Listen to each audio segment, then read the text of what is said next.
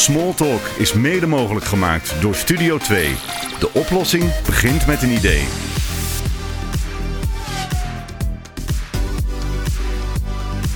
In huis, in de auto, bus of trein.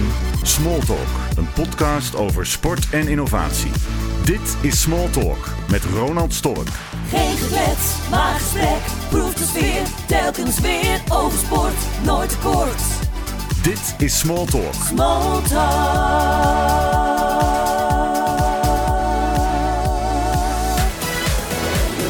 Bij Smalltalk aan tafel.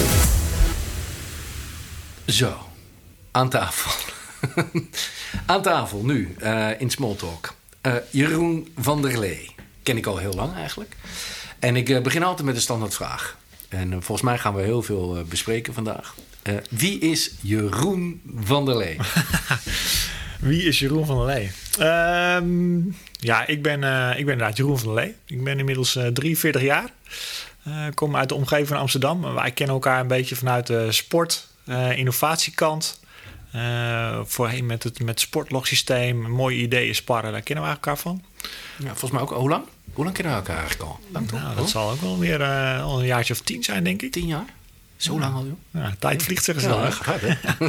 Ja, ja en wij, wij kennen elkaar eigenlijk vanuit de schaatsbond. Hebben wij elkaar eh, eh, leren kennen. Ik heb bijna tien jaar voor de schaatsbond gewerkt. Allerlei dingen daar gedaan. Trainer geweest van Jong Oranje aan het eind. Ehm assistent trainer bij een commercieel, team geweest. Eh, altijd druk bezig geweest met topsprogramma, eh, talentontwikkelingsprogramma's. Ook zeg maar voor de hele lijn, van jong tot oud. Ehm, ja, wat kan ik nog meer vertellen? Achtergrond eh bewegingswetenschappen. onder Die andere. wilde ik horen. Kijk, Die wilde ik horen. Ja, dat is wel belangrijk, want veel mensen eh, weten eigenlijk niet. Ik, ik heb het wel eens over met, eh, met atleten en, en ook met anderen van ja, in topteams heb je bewegingswetenschappers. Eh, in het zwemmen heb je dan het lab in Eindhoven. En eh, vroeger had je nog een, eh, een bewegingswetenschapper eh, op de vloer. Maar ehm, wat, wat, wat doet een bewegingswetenschapper bij, eh, bij een, een topsportteam? Bij een topsport, ja, tijdens, tijdens die studie bewegingswetenschap zit eigenlijk alles rondom in teken van menselijk bewegen. Dus dat betekent eh, psychologie zit erin, eh, neuromusculaire systemen, biomechanica, ehm, fysiologie. Dus eigenlijk alles komt daar, komt daar samen. Plus dat je leert op een bepaalde Ja, manier nu, en te nu kijken. even Jip en Janneke, want er zijn heel veel mensen die eh, niet weten wat dat allemaal is. Dus even, eh, Nou, eigenlijk alles rondom het menselijk bewegen, zowel hoe het in het kopje werkt als in- hoe het in het lichaam gewerkt. Eh, dus ook hoe word je fit, hoe word je topfit. Ehm, gericht op sport, maar je hebt ook andere afstudeerrichtingen hoor. Je hebt eh, arbeid, gezondheidszorg, et cetera. Maar meestal komen de wetenschapers die in de sport zitten, hebben ook die sportrichting gekozen. Ja, en die kijken op een manier naar sport waarbij al die aspecten eh, samenkomen. Dus, dus ja, meer het grotere plaatje zien. Ehm, en dus eigenlijk ook goed zijn in het analy- analyseren van dingen. Eh, en wat je nu veel meer ziet, zeg maar, je hebt een soort embedded scientists, noemen ze dat. Ja. Mensen vanuit de wetenschap die dan bij topsprogramma's komen. volgens mij is Björn, is dat een embedded eh, van eh, bij het shortrekken? Is dat, is dat een embedded science? Of het, Ja, die is in ieder geval gestart als embedded scientist en is volgens mij nu volwaardig onderdeel van het begeleidingsteam van de nationale shorttrack selectie. Ja. En wat doet hij? Ja, volgens mij hij, hij kijkt naar innovaties, hij doet videoanalyse. Is eigenlijk begonnen met heel veel beelden maken, maar weet het nu zo te vertalen dat een trainer dat direct kan gebruiken als feedback naar die sporter. Ehm, ja, dus daar heeft technologie de afgelopen jaar ook een hele grote rol in gespeeld. Ik zie wel trouwens dat veel goede trainers eh, een achtergrond hebben als bewegingswetenschapper. Volgens mij is Chakori ook een eh, bewegingswetenschapper. Nou, Shakori heeft volgens mij bewegingswetenschappen en bewegingstechnologie gedaan Oké. in Den Haag. Dus die, eh, ja, Zit daar een verband? Uh, nou, ik denk dat er wel een beetje, wat ik net zeg, het analyseren van eh, je trainingsprogramma, het grotere plaatje zien. Ik denk dat dat een belangrijk onderdeel van is. Dus dat je, je kan specialist zijn op één gebied, bijvoorbeeld het fysieke gebied. En wat komt daar dan allemaal bij kijken? En, en, en ik denk dat een hele goede trainer het complete plaatje moet kunnen analyseren. Dus alles wat erbij komt kijken in topsport, fysiek en in kopie. Dat vond ik in schaatsen ook wel mooi om te zien eigenlijk. In de tijd dat ik met jou samenwerkte met Jong Oranje, dat we met die logboeken bezig waren. Dat we ook een beetje met schuin oog bezig waren met Jacques Ory. En toen stond Kemkes er nog naast. Dat, eh, uh, Kemkes makkelijker open staat om iets met data en analyse te doen dan een Ori. Want het veel meer bij elkaar houden en voor zichzelf. Is dat in de, in de wetenschap ook zo? Is, is dat, heeft dat te maken met, met de manier van werken? Is, is een, was, was een Kemkes veel meer een coach-coach dan een analytische coach? Uh, ik denk dat dat per persoon verschilt. Dus ik denk dat ze allebei wel uh, analytisch waren. Alleen dan op een eigen manier. Uh, Jack Ory staat onbekend om zijn testen en de analyse die hij daarmee doet. En die is wel echt gericht om dat sowieso intern te houden binnen zijn eigen ploeg. En dat komt natuurlijk ook doordat je in het schaatsen een soort... Ja, je hebt daar allemaal commerciële teams, echte merkteams... Uh, die concurrenten zijn van elkaar. En daar is het heel moeilijk om daar dan een gezamenlijke deler te vinden... of het gezamenlijke belang te vinden... Uh, qua innovatie of qua analyses... waarbij je allebei de teams of allemaal de teams zou kunnen helpen. Het is maar net hoe een trainer daarin staat. Dus Jaco Ooi staat er meer aan bekend met zijn, met zijn testen en zijn, en zijn team... Uh, je hebt nog uh, Nico Hofman daar zitten als uh, achtergrond als fysiotherapie en oogbewegingswetenschapper. Dus met z'n tweeën doen ze dat al jaren. En Gerard Kemkers deed het eh, ook, maar dan op een andere manier, zeg maar. Die was denk ik ook iets meer naar binnen gericht, maar stond wel weer open voor andere sporten bijvoorbeeld. Dus ja, ik, kan niet, ik heb niet direct met beide trainers samengewerkt, maar ik denk dat ze allebei wel deden. Ja, en als je naar jou, jij bent eerst assistent geweest van Erik Bouwman. Later ben je het zelf uh, gaan doen.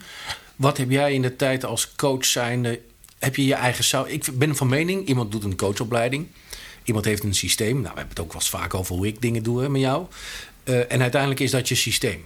Dus dat is een beetje het programmaatje, ja. hoe, hoe, jij werkt. En het is vaak een combinatie van allerlei dingen. De ene is wat meer coach-coach, de andere is echt een trainer. Ja. Maar je hebt ook een coach nodig om mensen op wedstrijden goed te laten presteren. Dus als Ja. je alleen maar heel fysiek bezig bent met eh, je stopwatch en dingen, dan, dan ga je het daar missen. Want de, het, een, tegenwoordig het eh, mental coach was vroeger...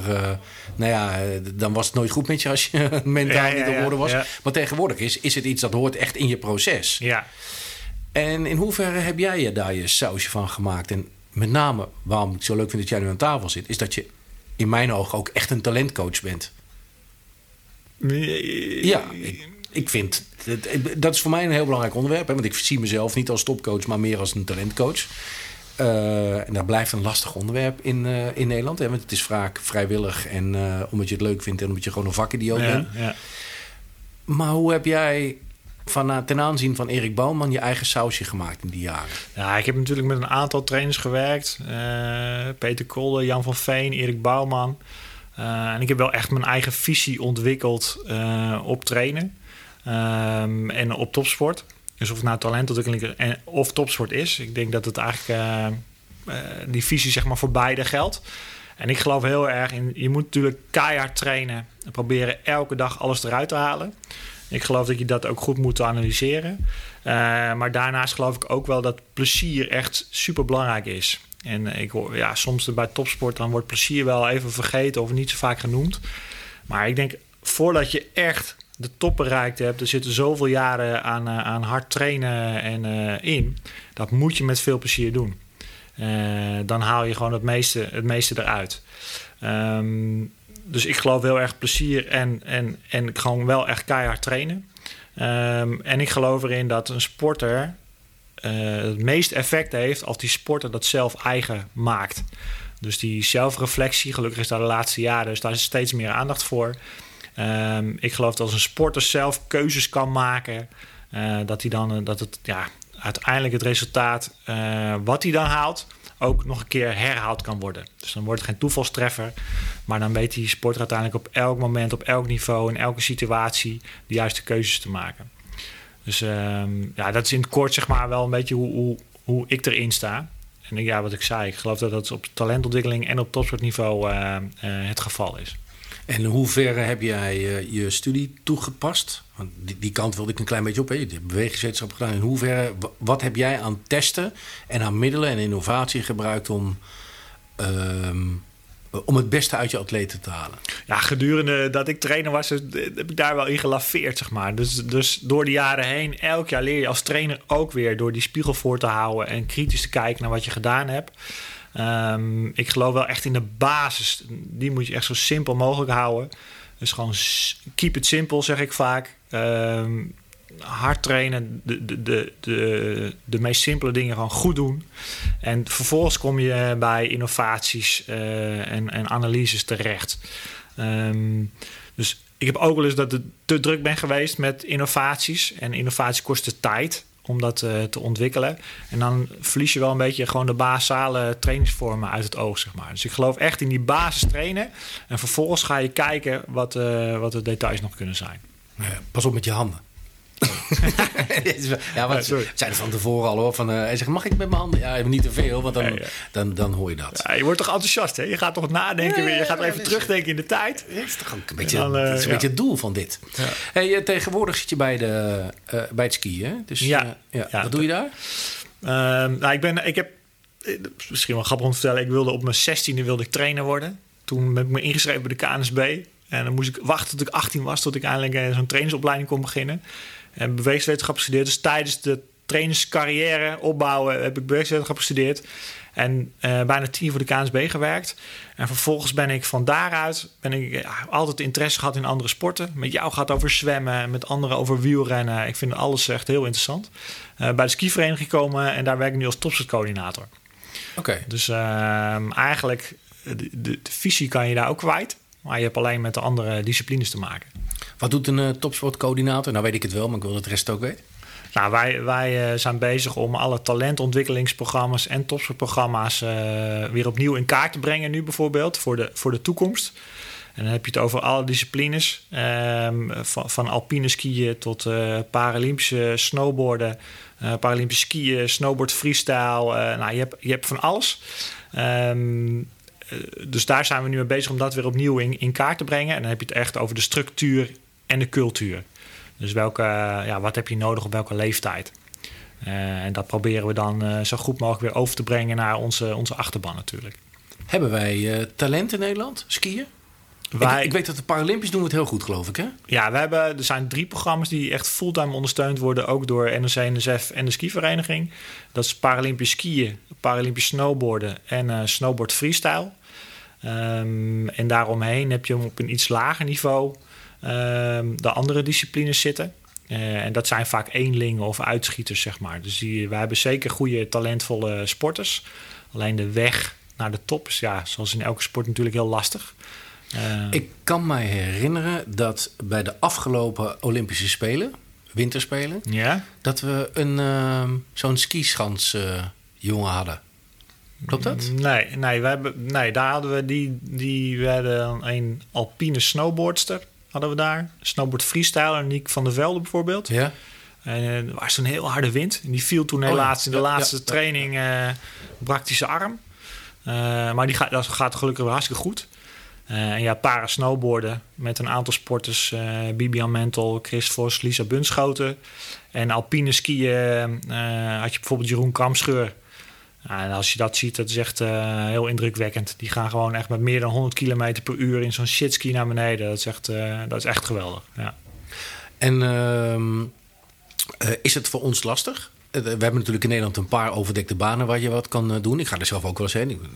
Ik, ga nooit op skivakantie, maar dat vind ik dan wel leuk. Ja, Vroeger ging ik wel. Maar ehm, het- kun, je, kun je daar iets? Of moet je, als je echt wil skiën, moet je gewoon in Oostenrijk zijn? Of in eh Ita nou, Italië durf ik nu even niet over te beginnen. Ja, ja, ja. Maar dan moet je in ieder geval wel in de bergen gaan wonen, niet hier. Ja, zeker op latere leeftijd is dat, wel, eh, is dat wel gewenst. En voor die tijd moet je gewoon echt kijken wat je hier in Nederland kan doen.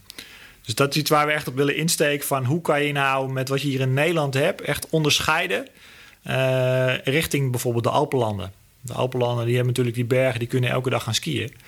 In Nederland kan je misschien wel juist fysiek onwijs goed worden eh, en daar het verschil maken. Ehm, en dat zie je een beetje. eh, als, het is wel een mooi voorbeeld. Snowboard Freestyle programma is ooit begonnen, echt acht jaar geleden, eh, door centraal te gaan trainen op Papendal. En het heeft even geduurd, zeg maar, maar die sporten zijn allemaal ontwikkeld.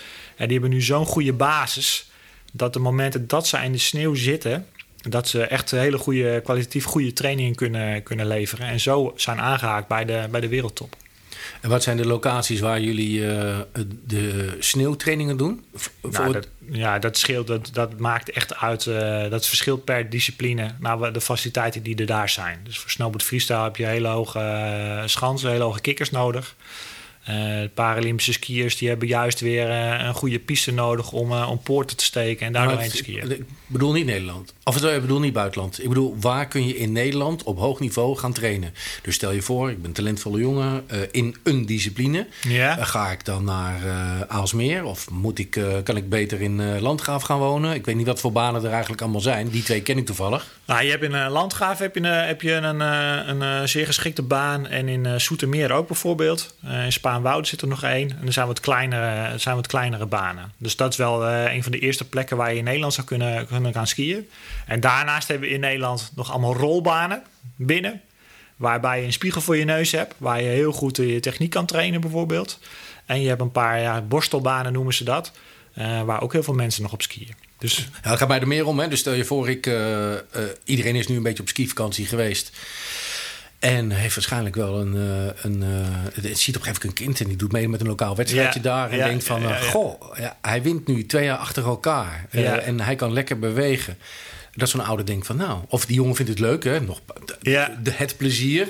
Oh, papa vindt het leuk om te skiën. Mijn had het niet om, maar stel je voor dat. ja, Dat je. Kan je dan in Nederland je ei kwijt? Ja, bij, als skiers er zijn er bijvoorbeeld in Nederland zijn er vijf talententeams. En daarbij kan je, kan je terecht. En dat kan vaak al vanaf eh, 11, 12, 13-jarige leeftijd. En kan je daar gewoon een eh, programma volgen. En bijvoorbeeld een aantal weken afnemen dat je dan eh, de sneeuwen gaat. Dus dat is soms eh, tot 20 weken per jaar dat je als kind dan een trainingskamp hebt in de sneeuw. En het, daarnaast doen ze de, de gewone trainingen thuis overal. Oké. Ja, dus dat zijn zeker mogelijkheden, ja. Het is toch leuk om te zien dat je. Ik, ik kende de skibond al, omdat we met het sportlog in de tijd ermee gewerkt hebben. Maar toch, je hoort er niet zoveel van. Dus het is toch leuk om daar eh, weer wat meer. Ja, eh, kijk, eigenlijk willen we als Nederland eh, natuurlijk een skier zien op televisie die Ja. elke keer die World Cup voorin meedoet. Ah, dat niveau ligt zo hoog. Als je daar bij de top 30 zit, dan doe je je echt al wel heel goed bezig. We hebben daar eh, Adriana Jelinkova bij de dames, die er tegenaan hikt, zeg maar. Die, die, die is bijna klaar om dat stapje te maken. We hebben Maarten Meijners, die het al diverse jaren eh, zich daarin ontwikkelt. En ja, als die de top 30 gaan raken, dan gaan we daar als Nederland wel veel van zien. En dat inspireert natuurlijk ook weer eh, de jeugd. nou, moet ik, je roept wel één ding waarvan ik denk dat klopt wel. TV is een issue, hè? TV, TV is issue, ja, issue. zeker. Als ik dit vergelijk bijvoorbeeld met, eh, met het schaatsen... waarbij eh, dat echt continu op tv is, alles wordt uitgezonden... is het wel lastiger voor de andere wintersporten om in, eh, om in beeld te komen. En dat in beeld komen heb je weer nodig om ja, mensen te inspireren... maar ook om bijvoorbeeld sponsoren aan te trekken... en het financieel allemaal voor elkaar te krijgen. Ja, Netjes. Hey, voor deze editie hou ik het even voor gezien. Eh, wij gaan elkaar vaker eh, spreken, hebben we net eh, afgesproken. Het is een leuk onderwerp, denk ik. Ja, Zeker vanuit de fysiologische en de wetenschappelijke kant. Dus ik zeg tot de volgende. nou, bedankt.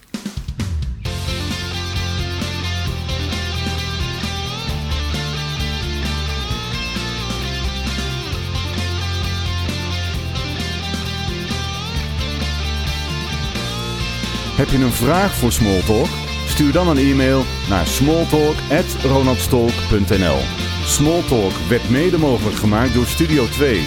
De oplossing begint met een idee. Dit was Smalltalk voor vandaag.